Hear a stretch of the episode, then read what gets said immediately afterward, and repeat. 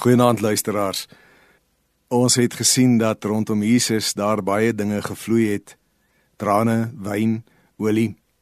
En ons lees 'n besondere stukkie waar daar iets anders vloei. Jesus wat 'n werkende man wat was, Jesus wat 'n stapper was, sou sekerlik baie gesweet het. Maar het nog nooit so gesweet soos daardie aand in Getsemane waarvan ons lees in Lukas 22 vers 39 nie. Daar lees ons dat hy op sy knieë is, gebo voor sy Vader, en as daar een ding is wat daar vloei, is dit soos die woord sê, sy sweet het soos bloeddruppels gevloei.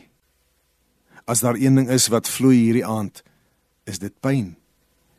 Is dit vrees? Dit was nie so seer die fisiese uitmergeling wat vir hom voorgelê het wat hom so laat vrees het en hierdie sweet so laat vloei het nie. Maar dit was die wete dat hy die sonde van die wêreld sal dra. Dis die swaarste las wat enige iemand ooit kan dra. Dis die hardste werk wat enige iemand nog ooit gedoen het.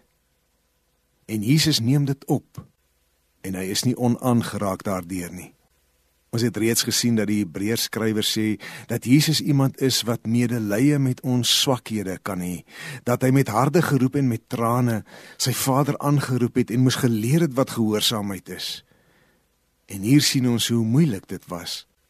Die sweet het gevloei soos bloeddruppels in die wonderlike evangelie.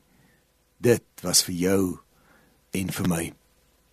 Die absolute inspanning.